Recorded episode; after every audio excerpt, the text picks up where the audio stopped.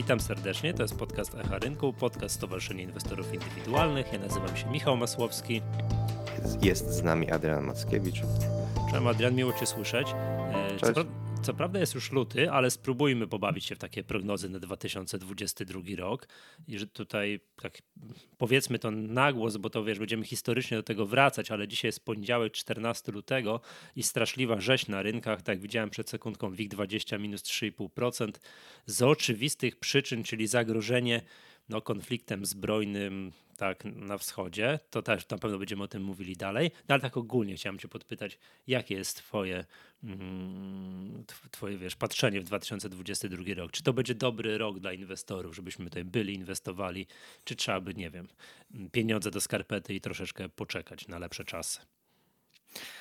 No, wydaje mi się, że 2022 rok to będzie sporo wyzwań przed inwestorami. Już nie będzie e, powtórki z 2020 i 2021. E, no 2020 to oczywiście wiemy, że dynamiczne odbicie e, po tym dołku, szybkim miesięcznym dołku z koronawirusa, gdzie inwestorzy indywidualni ograli smart money, e, bo, bo szybko tam na rynek, na rynek dołączyli, uczestniczyli w tych wzrostach. 2021 rok, no myślę, że pierwsza połowa roku faktycznie taka jeszcze z kontynuacją, powiedzmy druga połowa już może jakieś oznaki trendów bocznych, już, już trochę mniej może dynamiczne te, te wzrosty reakcji na różne informacje. No i początek 22 w gruncie rzeczy ogólnie nie zaczął się zbyt, e, zbyt dobrze, no bo chociażby na takim indeksie E, WIG, no to jesteśmy prawie już 6% na minusie year to date, no chociaż dzisiejszy start sesji też, też sporo wnosi. No, e, teraz jak nagrywamy jest minus 3,4%. 3,4 e, spada WIG, no i tak naprawdę ważne wsparcie techniczne łamie 66 tysięcy. Myślę, że w tym kontekście bardzo, bardzo tutaj warto patrzeć na to końca 65-66, bo to bardzo ważne wsparcie. E, też techniczne, więc właściwie gdyby, gdyby ten poziom tu też został oddany, no to też mamy taki techniczny sygnał na jakąś kontynuację tych spadków z początku roku. I co, czy tyle, ile ja się znam na analizie technicznej, to jakby to zostało przełamane, tak przełamane, przełamane, no to mamy tak minus 10 tysięcy na WIG-u, kolejne. Tak, tak no, tak patrzę, czyli do 55 tysięcy byłby zakres ruchu tej formacji, którą sobie tutaj próbujemy w powietrzu rysować.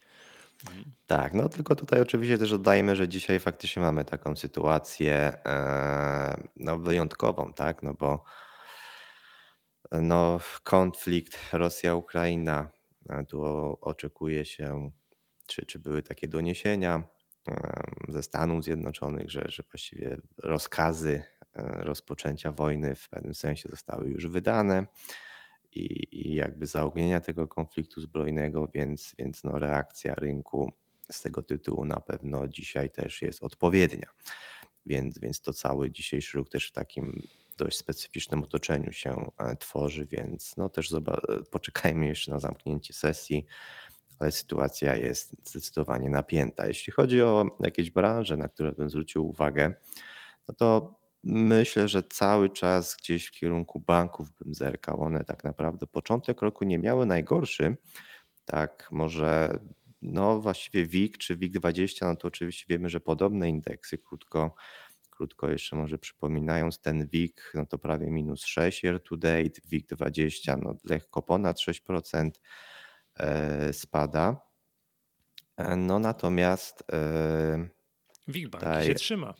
Tak, Big Banki w miarę się trzymał. Co prawda, no, tak patrząc przez pryzmat wykresu, no to też na pewno warto zwrócić uwagę, że tutaj w styczniu też, czy z początkiem, te pierwsze sesje Big Banki też jeszcze rósł, no ale zatrzymał się na szczytach z przełamu października, listopada ubiegłego roku. Na razie tych szczytów nie udało się pokonać właściwie dwukrotnie. Tu indeks WIG Banki atakował okolice 9500 punktów i nie udało się tego przeforsować. No więc to tak trochę wygląda niebezpiecznie. Natomiast banki na pewno w bardzo dobrym momentum wynikowym, podwyżki stóp procentowych, e, nawet powoli już e, też nasz, na, nasz prezes Banku Narodowego NBP powoli w jakichś komentarzach zaczął się wypowiadać, że może te podwyżki nawet będą mocniejsze niż rynek oczekuje, no to też pytanie, czy to nie była jakaś interwencja słowna po prostu ze, ze, ze strony prezesa. No natomiast e, to momentum wynikowe w związku z tymi e, stopami procentowymi powinno być e, jak najbardziej pozytywne. No natomiast no, druga strona medalu jest taka, że rynek oczywiście wszystko wycenia, dyskontuje odpowiednio wcześniej, więc na pewno w tym poprzednim roku no, banki absolutnie dołączyły do tej hossy, były chyba najsilniejszym indeksem i, i tam po, po 100% i więcej nawet rosło do jakiegoś dołka, więc no jak na banki, Powiem ci, że to... E, stare, nudne banki, tak, no to to jest no, imponujące trochę. No, powiem ci, to jest niesamowita sprawa. Jak ktoś w końcówce 2020 roku, kiedy banki szorowały po dnie, wówczas uwierzył w banki, to naprawdę kładę czapkę na samej ziemi, wiesz. To jest niesamowite, że, że to wtedy należało, wiesz, przy takim kompletnym pesymizmie. Nie, no te banki to już chyba trzeba wycofywać z tej giełdy, nic z tego nie będzie. Wtedy ktoś uwierzył i to, co powiedziałeś, no tam jest plus 200% prawie, że na indeksie takim WIG banki, prawda? To to jest, to to jest szok. Oczywiście sprzyjają temu podwyżki stóp procentowych, no te banki w końcu zaczynają mm, oddychać, a to co powiedziałeś, że prezes Glapiński zapowiedział wyższe stopy procentowe, to jeżeli nawet ktoś się nie spodziewał, to już teraz powinien, to, to, to, to już tak będzie, prawda? Bo to on nie po to to mówi na tych konferencjach, żeby potem tego nie zrobić, tak? Bo moim zdaniem nawet prezes Glapiński nauczył się tego, że może nie warto rynków tak do końca zaskakiwać, i że warto by tak jednak przygotowywać, że delikatnie, spokojnie. Słuchajcie, teraz jest tyle są stopy, ale mogą tam te 4% możemy w przeciągu jakiegoś tam okresu zrobić. I biorąc pod uwagę, jakie są odczyty inflacji, nie wiem, czy widziałeś, chyba dzisiaj był odczyt inflacji w Czechach 9,9%. Ktoś bał się o te 0,1% tam powiedzieć. Tak? 9,9%. E, a e, no, my mamy odczyt inflacji bodajże jutro bodajże jutro i chyba no 10, jakby ogłoszenie 10% inflacji no nie będzie niczym takim specjalnie zaskakującym, tak? Więc to całe to otoczenie bardzo, bardzo sprzyja bankom. Natomiast w tym kontekście chciałem Cię zapytać tutaj o niebezpieczeństwa dla, dla branży bankowej. Mm, I to moje pytanie jest takie. Mm, czy nie będziemy mieli takiej trochę powtórki z rynku kredytów frankowych z lat dwa, po 2007-2008 roku, kiedy wszyscy sobie wzięli kredyty we frankach, który był, frank był wtedy po 2 złote, a przez ostatnie 5 lat my się przyzwyczailiśmy, że mamy ekstremalnie niskie stopy procentowe i cały naród wziął kredyty hipoteczne, kredyty hipoteczne po bardzo niskich stopach procentowych, bo skoro były niskie przez 5 lat, już tak zawsze będzie no a teraz nagle przestają być te stopy niskie i te kredyty hipoteczne mogą zacząć coraz więcej ludzi uwierać, a coraz i spora część z tych osób może przestać być w stanie spłacać te kredyty. Czy nie będziemy mieli takiego, no wiesz, takiego efektu, że spora część tych kredytów stanie się tymi złymi kredytami, wiesz, tym portfelem kredytów w bankach i to z kolei spowoduje, że te banki zaczną mieć w dłuższym terminie problemy. E, po pierwsze, zagrożenie, no to bym wskazał fakt, że rynek już dużo zdyskontował no i pytanie, Mhm. czy teraz nie będzie realizował mocniej zysków. Więc y, tu no, jakiś taki czynnik musiałby się pojawić. No, oczekiwania chyba jeszcze wyższych stóp procentowych też, żeby banki jakoś mocniej ruszyły. E, no chyba, że też gdzieś w wynikach dalej będą zaskakiwać mm, pozytywnie jeszcze bardziej niż, niż są oczekiwania. Chociaż to myślę też warto zwrócić uwagę, że banki akurat są taką branżą dość dobrze prognozowalną i tu analitycy akurat ten konsensus rynkowy z reguły zbyt mocno nie odbiega. E, no ewentualnie właśnie na przeszacowaniach, jakichś odpisach e, kredytów, no to tam na zysku netto może się mocniej rozjechać, ale w gruncie, na jakichś rezerwach, ale też w gruncie rzeczy te banki to są takim sektorem jednym z lepiej prognozowalnych moim zdaniem. E, druga sprawa, franki, o których mówiłeś, myślę, że cały czas jeszcze 2022 rok tu się może dużo dziać wokół franków.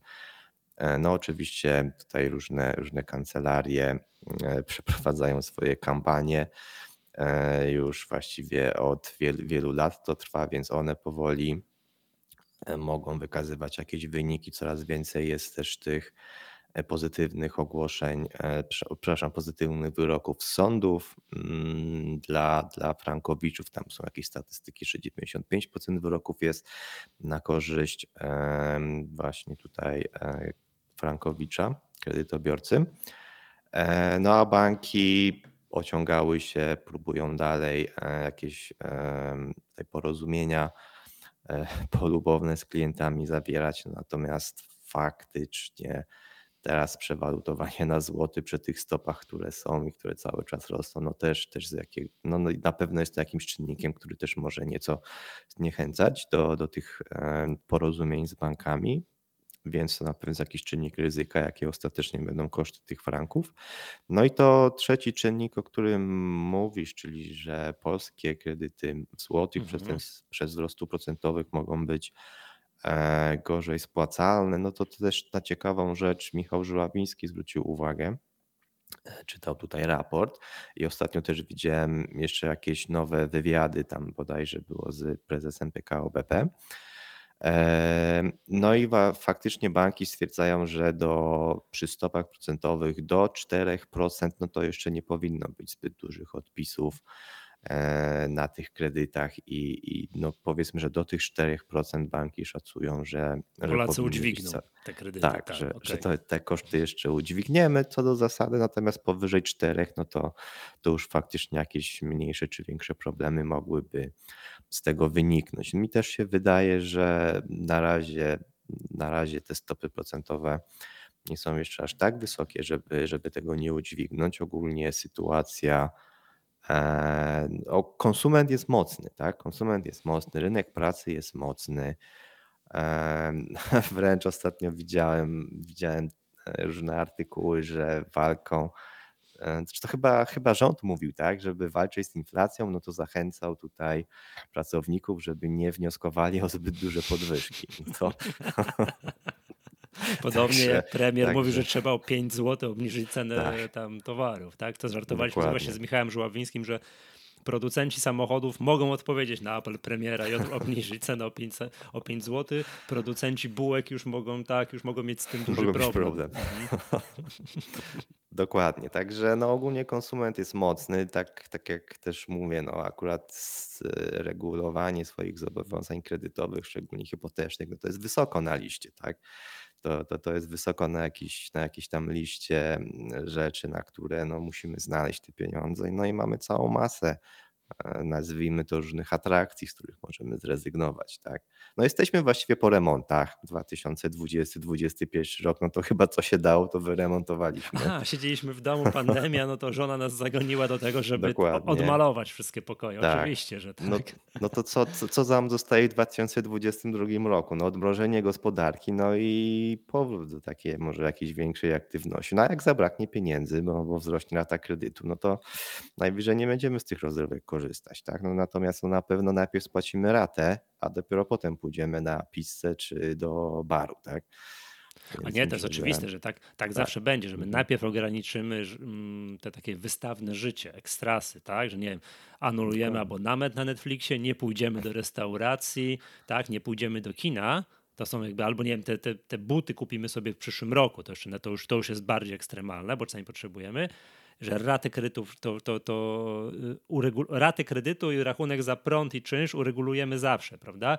Aczkolwiek, no to mówię, mm, może być tak jak w przypadku kredytów frankowych, że nawet jak ktoś już ograniczył wszystko, co było możliwe, to i tak go nie było stać na te raty kredytów frankowych i stąd się wziął, to, wziął ten cały y, problem, tak?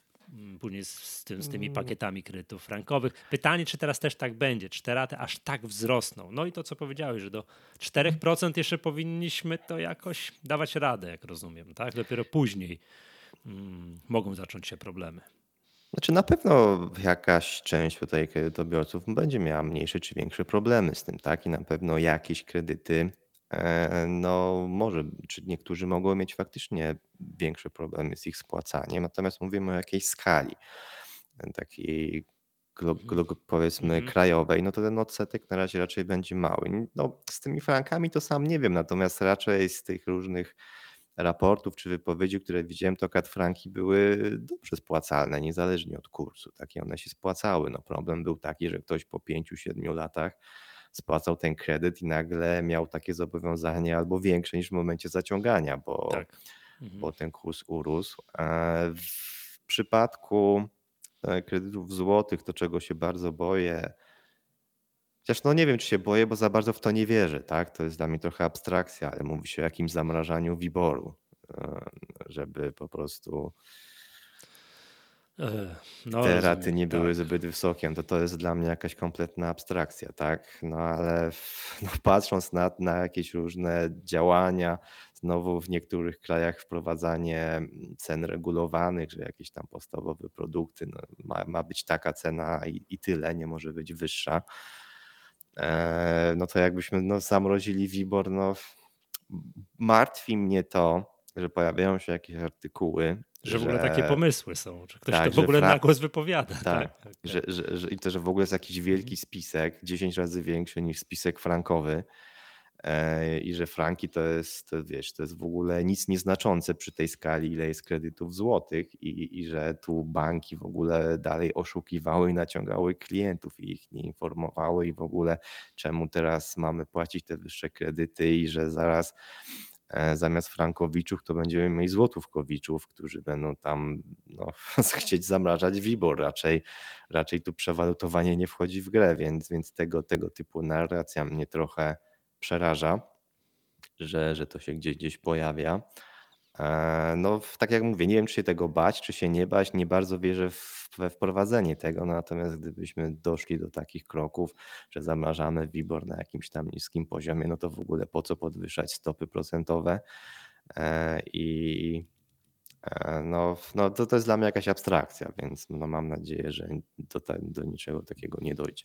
Dobrze, zostawmy na chwilę te banki. Jakie jeszcze inne branże wskazałbyś, jakie ciekawe do obserwacji? No, w nadchodzącym roku? E, szeroko rozumiany segment IT, bardziej po stronie mhm. software'u. E, to wydaje mi się, że za, zapotrzebowanie w związku z, no, z globalnymi trendami, które obserwujemy od dawna e, i które oczywiście tylko przyspieszyły w trakcie, ostatni, w trakcie ostatnich tutaj lat, dwóch pandemii koronawirusa. Także przejście na, czy cyfryzacja, digitalizacja, no to są, to są globalne trendy, od których raczej, raczej już nie uciekniemy i, i, i to życie po prostu, biznes, życie coraz bardziej się e, przenosi do, do internetu, do chmur i, i tak dalej, i tak dalej, więc, więc wydaje mi się, że tutaj firmy po stronie software'u, e, spółki informatyczne powinny sobie dalej dobrze radzić i wpisywać się w to, w to otoczenie. No jakimś zagrożeniem to na pewno na pewno e, koszty wynagrodzeń, tak? I myślę, że nawet może nie tyle koszty wynagrodzeń, co też znalezienie i utrzymanie tego pracownika e, IT, informatyka, bo, bo tu myślę i koszty, i znalezienie, utrzymanie są, to są oby, obydwie takie duże trudności dla, dla sektora. No i też może tak trochę, trochę mnie to rozbawiło. Ostatnio chyba widziałem, że Gazeta Wyborcza zrobiła taki artykuł z nagłówkiem, że za inflację winni są informatycy, bo za dużo zarabiają. Widziałem. Przybrzydli informatycy, rozhulali nam inflację. tak, i że im hmm. też nie wolno iść po podwyżkę, bo oni już za dużo zarabiają i nam napędzają inflację, więc myślę, to, mhm. że rozumiem, że to jest trochę takie mm, z tym IT, tak, że z softwarem, rozwój software'u to jest przedłużenie myślenia, o którym mówiliśmy wielokrotnie przy wybuchu pandemii, że co to ma szansę być tą branżą odporną na pandemię, to już wskazywaliśmy, że to no, sektor, szeroko rozumiany sektor IT, no bo teraz bez tego nie idzie pracować, tak? No bo to nam jakkolwiek pozwala pracować. No nie wiem, teraz siedzimy, nagrywamy przez jakieś tam narzędzie mm, takie właśnie do, do telekonferencji yy, i to, to, to jest możliwe. To chyba to ty powiedziałeś, sobie to zapamiętałem i to jest fajne, że gdyby ta pandemia nas trafiła 10-15 lat temu, jak to mm, te wszystkie narzędzia nie były tak rozwinięte, to byśmy o wiele ciężej przeszli. Te skutki gospodarcze byłyby o wiele bardziej brutalne, no bo teraz zamykasz się w domu i jak, o ile nie jesteś piekarzem, przykładowym, no to możesz pracować w domu, jeżeli masz taki, możliwość, taki zawód pracy w domu i to, i to było możliwe, tak? 15 lat temu nic takiego nie było możliwe. No jak rozumiem, to jest przedłużenie, także to poszliśmy w tym kierunku, ciśniemy i nie ma, zmiłuj się, trzeba rozwój IT i to jest kierunek, w którym powinniśmy patrzeć, że to bez względu na to, co się będzie dalej działo z pandemią, z wojną, ze wszystkim, to IT musi jakkolwiek się rozwijać. No i to jest też o tyle ciekawe, że te narzędzia faktycznie Mhm. zwiększają czy poprawiają efektywność. Sztuczna inteligencja tak samo. Tutaj myślę, że jakimś jednym z ciekawszych kierunków są mimo wszystko też chatboty cały czas, tak? Czyli Mhm. jakieś tam narzędzie, gdzie na komunikatorze na jedno najprostsze jakieś zapytania, czy najczęściej zadawane, no to tutaj zamiast mieć faktycznego człowieka po drugiej stronie, który tam musi dziennie 10 razy to samo napisać, odpisać, bo, bo to powiedzmy takie same zapytania spływają, no to jest jakieś rozwiązanie tutaj sztucznej inteligencji, która wyłapuje to i od razu odsyła do rozwiązania, do jakichś linków i tak dalej. No i człowiek się pojawia dopiero w momencie, kiedy, kiedy, sztuczna, kiedy albo ktoś się bawi ze sztuczną inteligencją, albo E, no albo faktycznie jest jakieś tam trudniejsze pytanie i, i jest po prostu potrzebna ta ingerencja człowieka. Ja już widziałem poradniki w internecie, też tak po, pośmiejmy się, jak rozmawiać ze sztuczną inteligencją, takim właśnie chatbocikiem, żeby cię jak najszybciej przekierowało, przekierowano do żywego człowieka, tak? Aczkolwiek e, to takie, wiesz, tekstowe, mm, te takie, te czaty, te boty, no to wszyscy znamy, tak? To wiele firm na tym bazuje. Coraz więcej firm bazuje też na takiej sztucznej inteligencji, która rozmawia z tobą przez telefon. I już y, jest już wiele takich y, no, czytałem opracowań, że prawdopodobnie każdy z nas przynajmniej raz rozmawiał na jakiejś infolinii z jakimś yy, takim robotem, taką sztuczną inteligencją i prawdopodobnie nie wie o tym. Że rozwiązałby jakąś tam, yy, albo nie wiem, zadzwoniła do ciebie sztuczna inteligencja i próbuje, próbują ci coś sprzedać. No, każdy, to, z grubsza, każdy, kto ma telefon komórkowy, to wie, że tak czasami się dzieje.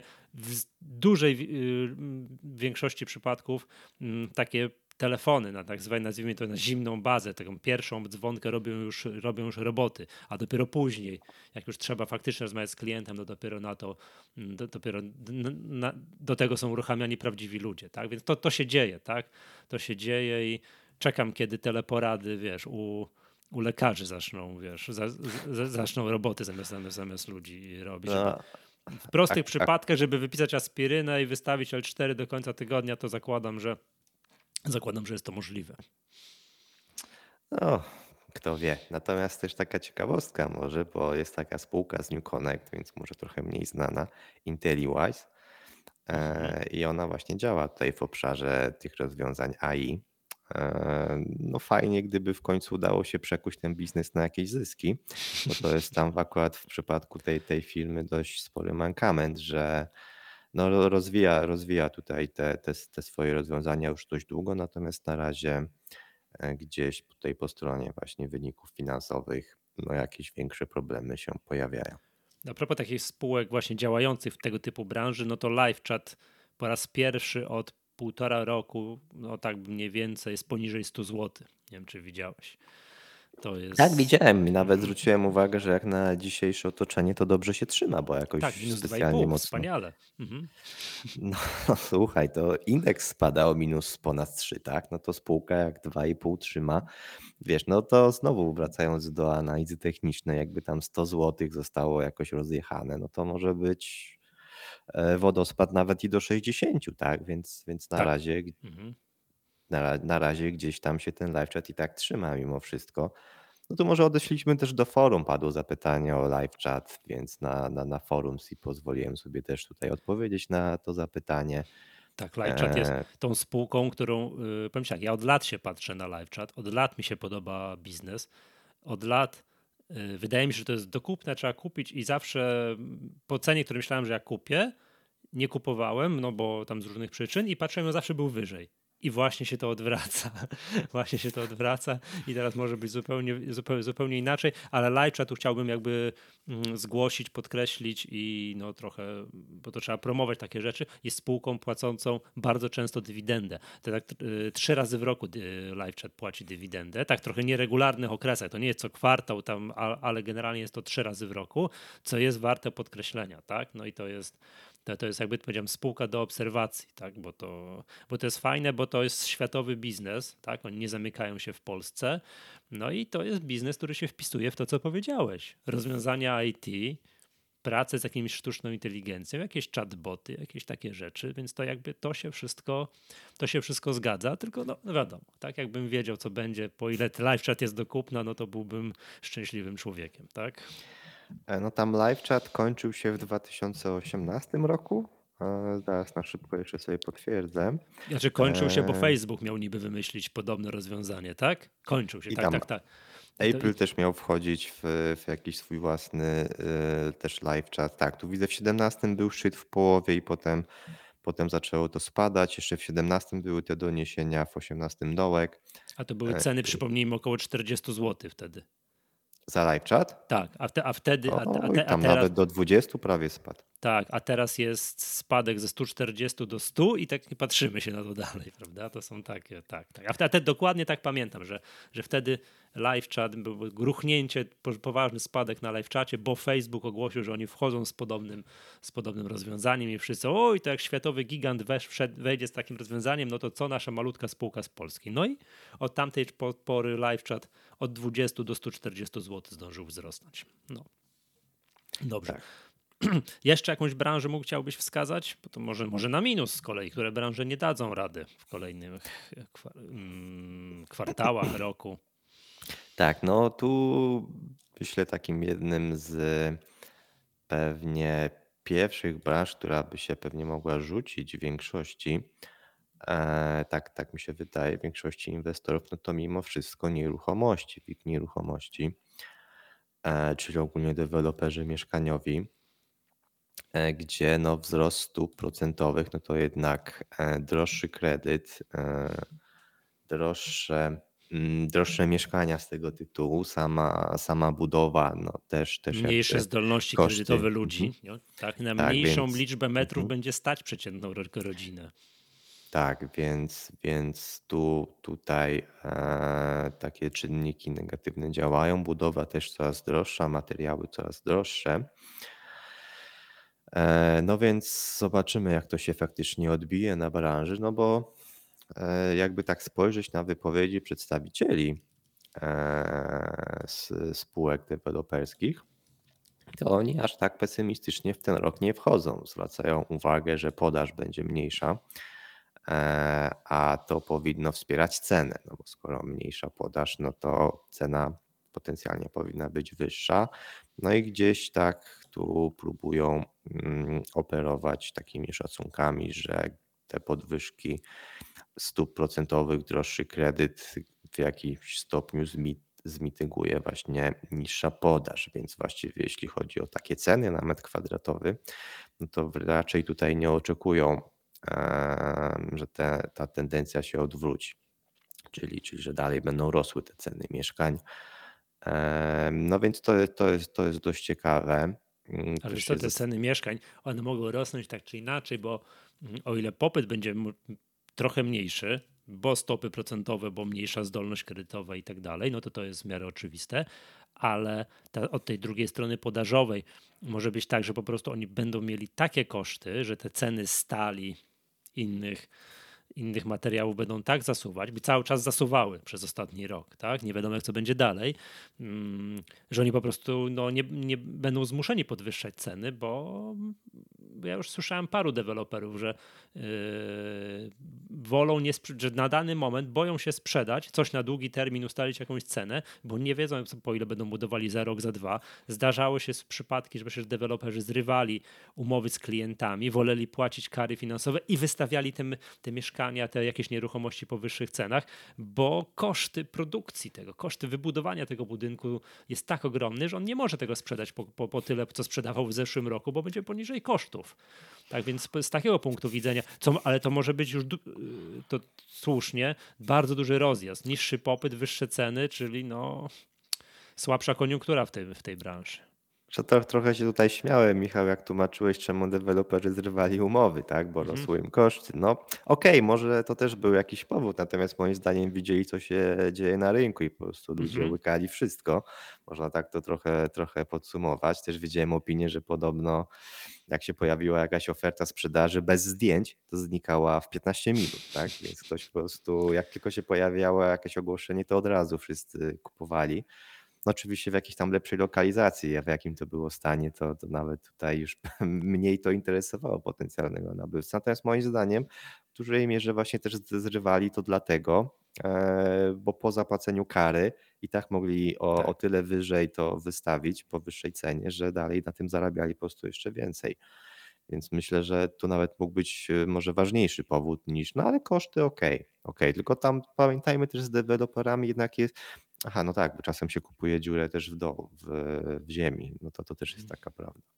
Znaczy, No z drugiej okej, strony też jest też tak, że o ile w Mhm. krótkim terminie jestem się gotów zgodzić, że faktycznie no, deweloperzy, tutaj WIG nieruchomości to może nie być lider wzrostów, o tyle w dłuższym terminie, jak ktoś mnie czasami znajomi pytają, słuchaj, a może ja przeczekam tego rączkę, co teraz i kupię sobie mieszkanie za dwa lata, jak będzie taniej. No to ja tak mówię, wiesz co, że to taniej nie będzie, tak? I wydaje mi się, że tak to rynkiem nieruchomości, że ochłodzenie na rynku nieruchomości może spowodować to, że wolniej będzie drożeć, a nie, że będzie taniej. To tak bym powiedział, że ktoś Mhm. chce kupić mieszkanie w szczególności dla siebie, to, no to trzeba brać i kupować, prawda? Bo to jak tak e, patrzę na to, to mimo tego, że ceny wydają się wysokie, w szczególności w dużych miastach, to jak się popatrzy na ceny mieszkań w zachodniej Europie, jakiś Berlin, Paryż, tego typu, tego, typu yy, tego typu miejscowości, no to my jesteśmy jeszcze, jeszcze taniutkim krajem. To u nas jeszcze drogo nie jest, więc jakby to wiadomo, że to może nie jutro, nie pojutrze, ale w bardzo długim terminie to my będziemy mieli takie ceny jak u nich, a nie tam będzie tanieć, bo u nas jest, nie wiem, przegrzany rynek nieruchomości. Więc jakby to, mówię, to, to, to takie stwierdzenie będzie ochłodzenie na rynku nieruchomości, to moim zdaniem co, co najwyżej spowoduje, że ceny będą stały albo rosły powoli, a nie tak zasuwały jak, e, jak, no jak w ostatnim okresie. Tak, więc myślę, że tutaj też, też warto zwrócić uwagę, jak e, myślę, niektórzy e, mogą tutaj właśnie stawiać e, ogólnie deweloperów mieszkaniowych, powiedzmy, jaką kategorię czy branżę, która może sobie relatywnie gorzej radzić, no to raczej nie odnosimy się tutaj do tego, co będzie dalej z cenami mieszkań, tak? No bo to są jakby też trochę, no oczywiście powiązane, ale jednak trochę też inne, inne kwestie. Na pewno warto zwrócić uwagę jednak na sporą też bazę tutaj deweloperów, którzy mieli ogólnie dobry, dobry rok czy dobre dwa lata, e, pomimo też jakichś trudności z tą, z tą pandemią, więc tam wyniki są raczej dość dobre za te, za te właśnie ostatnie lata. No takim czynnikiem, o którym też myślę cały czas przy nieruchomościach, to jest inflacja, tak? No gdzie się chronić przed inflacją? No w nieruchomościach. Więc, więc no, czy to na pewno jest jakiś taki pierwszy pomysł e, i, i to jakby nie, nie od wczoraj mamy ten sport narodowy, naprawdę to, to był fantastyczny tytuł Radosława Chodkowskiego na naszym e, forum e, finansów i inwestycji. E, tak strasznie mi to utkwiło w głowie i, i, i gdzieś, gdzieś pod kątem właśnie szukania zabezpieczenia przed, przed inflacją, czy jakiejś takiej powiedzmy bezpiecznej, stabilnej inwestycji, no to myślę, że nieruchomości cały czas są tutaj e, w świadomości Polaków, że to jest, to, to jest właśnie taka bezpieczna inwestycja. No ja się, Mhm. ja się z tym nie do końca zgadzam, żeby to była taka bezpieczna inwestycja, no natomiast wydaje mi się, że ostatni szał na rynku, nie, na rynku nieruchomości trochę też no, wsparł jeszcze to przekonanie, jak tam niektórzy w pół roku czy w rok sprzedawali też ze sporą podbitką te, te nieruchomości, które kupili i tak po prostu nominalnie na nich zarobili, więc myślę, że to dalej mogło wspierać takie przekonanie. Mhm. E, No więc e, nie, WIG nieruchomości, e, tu jeszcze taka ciekawostka, od początku roku jest na plusie. E, Pytanie, na ile też do tego ruchu ewentualnie przyczyniło się wezwanie na Develię. Ostatnio też podwyższona cena w tym wezwaniu. E, Więc tu pod tym kątem akurat stopy zwrotu na razie, jeśli chodzi o tak pryzmat tego indeksu, tak, to, to nawet nie jest, nie jest źle. Może jeszcze tak po, w powiązaniu, bo to krótko bym podsumował, jakaś druga branża, która może mieć ewentualne trudności, no to chyba bym wskazał ogólnie też na budownictwo, czyli też taka powiązana, e, powiązana branża, no tu właśnie pod kątem też rosnących e, kosztów, no które też właściwie z każdej strony atakują, atakują spółki, firmy, e, wynagrodzenia, koszty materiałów, no i tu pewnie jeszcze jakieś ryzyko związane z inwestycjami cały czas tych środków z Unii. Nie mamy z funduszy jeszcze odbudowy. No to też na pewno byłby taki mocny zastrzyk dla branży mm, budownictwa. na, na tutaj e, przeznaczenie tych środków na, na inwestycje infrastrukturalne. Mhm. A chciałem Cię zapytać o naszą nieśmiertelną branżę, którą zawsze często śledziliśmy, czyli mm, no, handel detaliczny. Tam, wiesz, tam gdzie są ukryte wiesz, CCC, LPP i, i, i, i, tak dalej. Tak? No bo CCC, jak patrzę na wykres, no to jestem przerażony, to, to oni nurkują w przepaści. LPP niby wysoko, no wiadomo, tak, albo ładnie sobie poradzili, ale jak cała branża. Yy, pytam dlatego, bo gdzieś mignął mi artykuł taki, że podobno po pandemii niby mamy otwarte centra handlowe, a one notują tak statystycznie mm, obniżony, obniżony ruch i to jest podobno widoczne, odczuwalne. A to wiem, że to jest duży procent przychodów tych spółek. Jak byś popatrzył na całą branżę? Czy powiedziałbym tak, to był duży procent przychodów tych mhm. spółek mhm. przed pandemią. Okay. Teraz, te, te, te, ale faktycznie jest to, to, to, to, o czym mówiłeś. Właściwie wydawało się, że te galerie mogły sobie lepiej radzić po otwarciu. A z tego, co chociażby mówili przedstawiciele LPP, e, był taki początkowy szał, powiedzmy, na te galerie. E, gdzieś tam się za nimi, powiedzmy, stęskniliśmy, chodziliśmy. W maju było otwarte i ten trzeci kwartał jeszcze był dla galerii dobry. Tutaj przedstawiciele tłumaczyli właśnie taką odbudową po pandemii. No i gdzieś ten czwarty kwartał faktycznie już chyba trochę gorzej. Też był taki raport, mm, już teraz nie pamiętam dokładnie danych, który wskazywał, że w czwartym kwartale chyba albo no ogólnie w tym no dobrym kwartale, czwartym, grudzień, tak? Więc jest to ogólnie dobry e, kwartał dla handlu detalicznego. To byliśmy, teraz nie pamiętam, 20% e, mniejsza odwiedzalność niż przed pandemią, czy nawet jeszcze większa. Także ogólnie e, takie statystyki wydawało mi się, że powinny być jednak trochę bardziej zbliżone do tych okresów przed pandemią. A tu te galerie ostatecznie za bardzo, za bardzo jeszcze się nie odbudowały, więc faktycznie to jest, to jest dość istotny problem. No natomiast no, te spółki dobrze rozwinęły e-commerce co do zasady. No, jeśli mówimy chociażby o tym CTC czy LPP, oczywiście handel detaliczny zdecydowanie szerszy. No na dobrą sprawę i Allegro można by, by tutaj do handlu detalicznego wcisnąć. No, Ale wiesz co, no. tak, ja to z jednej strony chciałbym powiedzieć na obronę, mm, znaczy, że zmian, przyzwy... znaczy na obronę tych spółek, nie, nie chciałbym powiedzieć na obronę, że Polacy zmienili przyzwyczajenia zakupowe, że w pandemii kupowaliśmy coś w online, no to minęła pandemia, my się przyzwyczailiśmy, dalej kupujemy w, w online. Chciałby, że, I chciałoby się powiedzieć, że handel online kwitnie, gdybym nie patrzył na właśnie wykres kursu Allegro, no, który jest dramatycznie tak było dwa lata temu, no półtora roku temu prawie 100 zł, no teraz jest 33, no to to jest katastrofa. No dobra, ale Michał, Allegro za 100 miliardów złotych. No, no tak, tak, tak. Racja, no to kogoś tam poniosło oczywiście.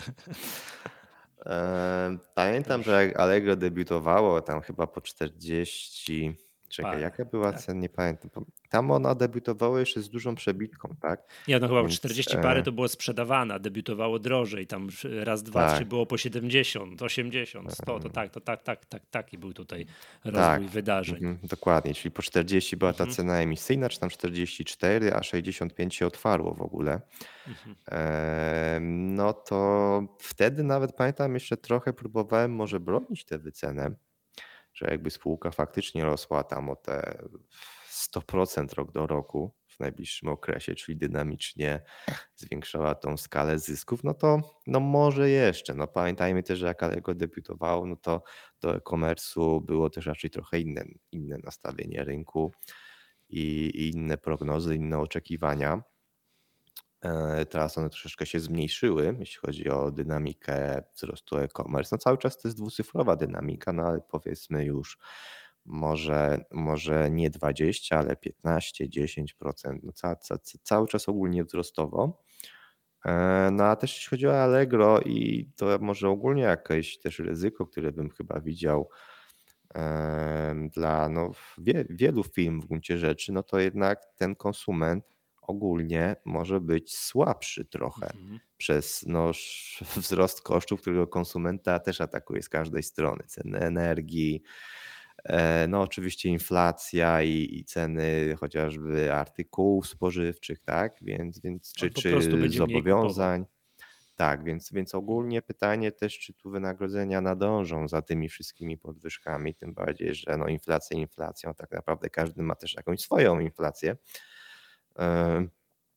Więc, więc tu trochę się boję, że on może osłabnąć, y, albo po prostu też będzie widział, że te koszty rosną e, dość istotnie, no i sam postanowi w jakiś sposób pewne wydatki ograniczyć, tak? Więc to jest taka ciekawa rzecz, bo jeśli chodzi o, no jak już się powołaliśmy na CCC, to jest taka ciekawa opinia, którą kiedyś przeczytałem, czemu CCC spadało, sobie gorzej radziło. No bo pamiętamy, że CCC miał fantastyczny okres bardzo dynamicznego rozwoju, rosło tam po, pamiętam, e, w grudniu, jak podawało jeszcze dane miesięczne, tam dwa, dwa razy pod rząd miało w grudniu dane, wzrost przychodów 50% rok do roku. Były fantastyczne dynamiki, a baza była wysoka, tak? No bo mhm. raz urosło 50%, potem znowu urosło 50% rok później, więc faktycznie na przychodach fantastycznie się rozwijało.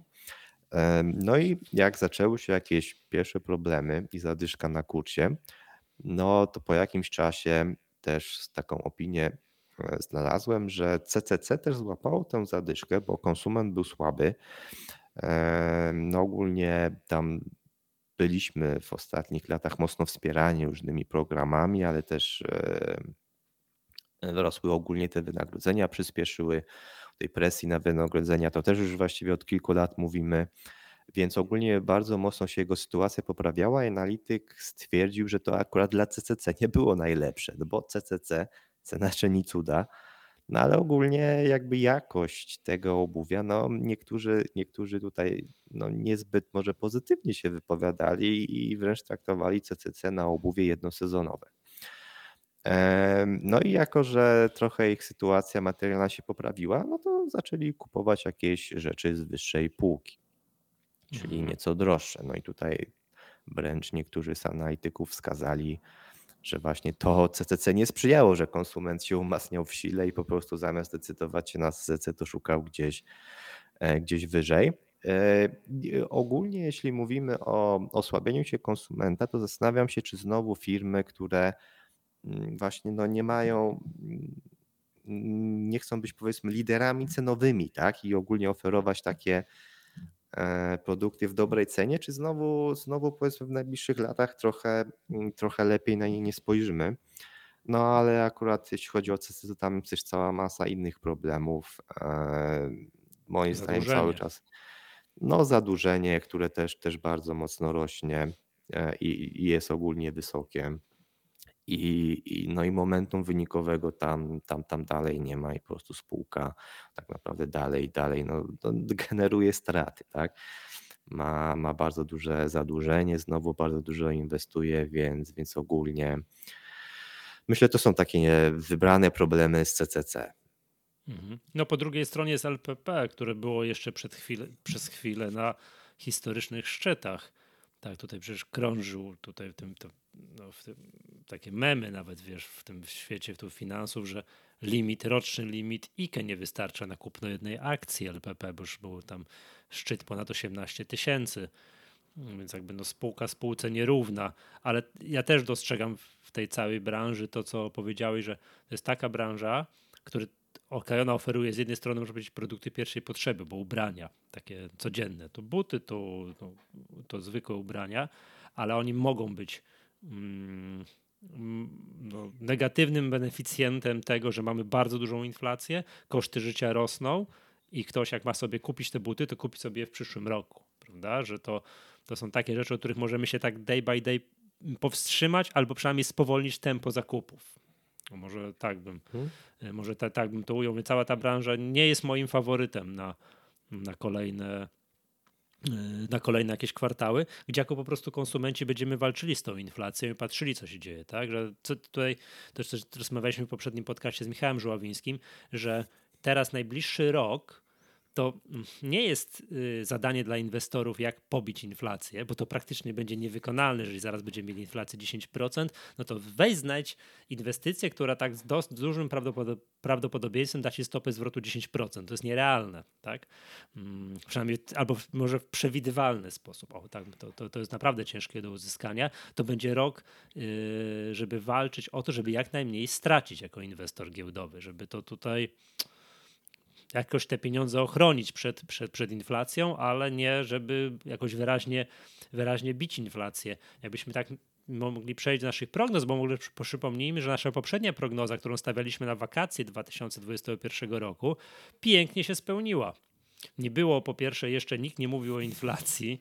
Pandemia nas jakoś wówczas nie dociskała. Wojny rosyjsko-ukraińskiej nie było na horyzoncie i nasza prognoza wówczas, przypomnijmy, piękne plus 10% do końca roku się spełniło i dobrze, że jak to jest prognoza, jak wypełnisz, to już dalej nie obowiązuje, że to dotknęło tych, mm, tych plus 10% na, na WIG-u i to się wszystko pięknie spełniło i już y, dalej no, nie musieliśmy się tłumaczyć z tego, co się da, dzieje dalej. Zresztą dzisiaj jesteśmy niżej zdecydowanie od tych poziomów, które wówczas prognozowaliśmy. To jak miałbym dzisiaj prognozować na to, co się wydarzy, powiedzmy sobie w tym roku, tak tutaj patrząc, jakiś taki kierunek, co się wydarzy, no to ja bym tutaj zaryzykował taki nerwowy trend boczny, że nie będziemy jakoś trochę spadniemy, później trochę wzrośniemy, ale jakiejś takiej wyraźnej hossy mieć nie będziemy, bo tu bym wskazał jako czynniki ryzyka jeszcze raz tę inflację, która no będzie nas strasznie po kieszeni tutaj ciążyć, co spowoduje, że będziemy mieli ogólnie mniej pieniędzy, w związku z tym nie wydamy. Tak, nie pójdziemy do sklepu, nie będziemy mieli takiej fantazji, nie wydamy, VAT się nie zapłaci i tak dalej. To jest pierwsza rzecz. Druga rzecz, ta inflacja spowoduje jednak krok po kroku rosnące stopy procentowe, co spowoduje jednak w tej drugiej połowie roku spowolnienie gospodarcze. Tak, mniejszy wzrost gospodarczy, że to będzie to będzie nam ciąży. Będziemy mieli wysokie koszty obsługi długu, wysokie koszty obsługi kredytów hipotecznych i tak dalej, i tak dalej. Co będą takie, to będzie, to będzie problem, tak? No i, i jako nad tym wszystkim, no nie wiem, coś, bo coś to mam wrażenie wydarzy w ciągu tygodni, będziemy wiedzieli, czy to w lewo, czy w prawo. No ta wojna na wschodzie to jest no, niepokojąco blisko nas, powiedziałbym, tak? No to jakby jedna sprawa. Druga sprawa, że tego typu zawirowania zawsze źle się odbijają, no nie wiem, na cenach gazu które znowu, nie, już nie śledzę tego, nie wiem, nagłówki, znowu, że wskutek niepokojów na, na granicy tam rosyjsko-ukraińskiej znowu wzrosły ceny gazu i tak dalej, i tak dalej, więc te rosnące koszty energii też nie będą napomagały, więc, ta, więc jakby tu podsumowując, wysoka inflacja, w konsekwencji wzrost stóp procentowych, niepokój na wschodzie, to będą takie czynniki ryzyka, które będą nas no, trzymały przy ziemi, tak? Trzymały przy ziemi i to będziemy tak sobie no, mam wrażenie w okolicach tego, ile jest dzisiaj WIG? 65 tysięcy. No.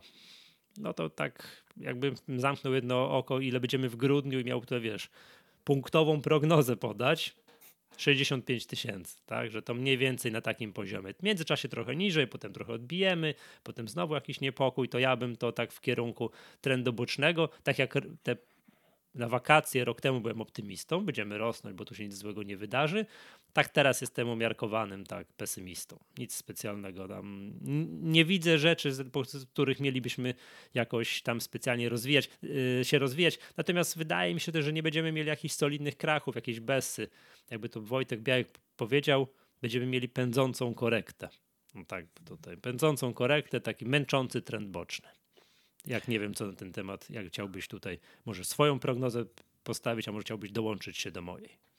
Tak, powiem szczerze, w gruncie rzeczy mógłbym się dołączyć do Twojej. Ogólnie patrzę raczej podobnie. Na pewno, znaczy na pewno, odrzucałbym scenariusz kontynuowania Hossy, no. którą mieliśmy w tych ostatnich okresach, więc tu na jakieś historyczne szczyty kolejne. No myślę, że to, to, to, to, to spore zagrożenia byłyby przed takim scenariuszem i raczej nie jest on chyba dominujący. E, zastanawiałbym się, czy jesteśmy w jakiejś korekcie, czy jednak przechodzimy w Bessę. To, to takie, takie bym tutaj ewentualnie rozważania. E, miał 2022 rok. Tak, albo, albo bym tu obstawiał taki trend boczny, natomiast też no raczej bym oczekiwał, że zobaczymy jeszcze niższe poziomy na indeksach. E, z czynników zagrożeń, nawet bardziej niż inflację, podkreśliłbym fakt, e, to jak będziemy walczyć z tą inflacją. I też Stany Zjednoczone powoli już jakieś kroki w tym kierunku wykonują. Tam też oczekiwania podwyżek stóp procentowych, no właśnie, z jednej strony są duże, czy też właściwie z posiedzenia na posiedzenie one mogą rosnąć, więc też taki powiedzmy dość dynamicznie. Z drugiej strony, no tutaj ten konflikt Rosja-Ukraina, zobaczymy też jak wpłynie na, na ewentualną ścieżkę tych podwyżek. Natomiast to, to, to ogólnie historycznie podwyżki stóp procentowych no co do zasady nie są, nie są czymś dobrym dla, dla rynków, tak? Więc, więc to też jest na pewno jakiś mocniejszy argument za faktem, żeby jakaś korekta mocniejsza mm, na rynki przyszła. No, oby z tego nie wyszła jakaś długotrwała bessa Chociaż takiego ryzyka też na pewno nie można wykluczyć. E, no i ta inflacja, to też już wcześniej e, trochę o tym mówiłem, jako ryzyko dla jakichś wzrostów, no to faktycznie wchodzimy w okres, gdzie firmy są z każdej strony atakowane kosztami. E, koszty wynagrodzeń, koszty materiałów, koszty energii. Okej, okay, otoczenie inflacyjne na pewno trochę wspomaga, żeby te koszty przerzucić na mhm. klienta, no ale ile można tych kosztów przerzucać i, e, i, i jeszcze oczywiście jedne spółki mogą to zrobić prościej, drugie, drugie mogą mieć z tym o wiele większe problemy. W trzecich przychodzi jakieś ryzyko, że E, rząd zacznie w jakiś sposób e, próbować e, narzucać tym spółkom, że, żeby nie sprzedawały zbyt drogo. Tu w PGNiG było jakieś zamrożenie chyba cen gazu od, od lutego miało wejść na, na miesiąc na razie, czy, czy na jakiś okres, tak? Pytanie, czy w jakiś sposób znowu ceny energii nie będziemy próbowali mrozić, no ale to, to już mieliśmy dwa lata temu, czy, czy rok temu, nie pamiętam, ale to też już przeżywaliśmy. E, więc, więc na pewno na takie jakieś ryzyka pewnie warto zwrócić uwagę. No, paliwo miało nie być powyżej 6 zł. E, I, I nie było właściwie tam, no na chwilę no było, powyżej. Było, było. Ja uprzejmie ale... melduję, że, meld że tankowałem przynajmniej dwa razy powyżej 6 zł. Ale potem ucięli VAT i, i znowu chyba jest tańsze tak, do tak. czasu. Właśnie nie e, wiem, to, jak to będzie, bo to mm, niby to jest jakby czasowa obniżka tych podatków. No nie wyobrażam sobie, że wrócimy. E, że co nagle nie minie trzy miesiące, bo chyba na trzy miesiące ten VAT na paliwa jest obniżony. Minie trzy miesiące i rząd powie, o już koniec, podwyższamy z powrotem. No to wiesz co, to jak ob... niepokoje społeczne mogą z tego, co, no, z tego duża szansa, że do kiedy, wyborów kiedy są, kiedy są wybory? W przyszłym roku. No, to, to nie jest takie proste moim zdaniem podwyższyć no z powrotem VAT, te, wiesz, te tak podatki, bo to jest, bo ta zmiana na cenie paliwa była drastyczna. Choć z drugiej strony ceny paliwa, ceny ropy tak rosną, że one mogą wrócić do tych poziomów 6 złotowych mimo nieruszania tego VAT-u, że, za, że trwania przy obniżce, to, to zaraz możemy znowu wrócić do, do tych poziomów, bo chyba coś widziałem 100 dolarów, tak? Ty widziałem za, chyba, chyba za baryłkę. Ja sobie przypomnę, że kiedy to było, że ta cena tej, tam jakichś tam jednodniowych kontraktów na gdzieś tam, na jakąś ropę, gdzieś tam poniżej, poniżej zera mm, była. Z rok Kwiecień temu, 2020. Kwiecień, no to zaraz będzie dwa lata, prawda? No to, to i dzisiaj mhm. mamy po 100 zł, jak to się niesamowicie, niesamowicie szybko, przepraszam, dolarów, przepraszam, jak to się niesamowicie szybko zmienia, więc mm, no. no trudno mi sobie wyobrazić, żebyśmy, żebyśmy teraz rząd powie, już jest koniec tej obniżki yy, VAT-u na paliwa o 6,50 od jutra. E, a no. tak samo zobacz, co jest z tą obniżką VAT-u na żywność, tak? Jak e, pojawiały się też e, artykuły śledcze, że ten obniżka podatku weszła.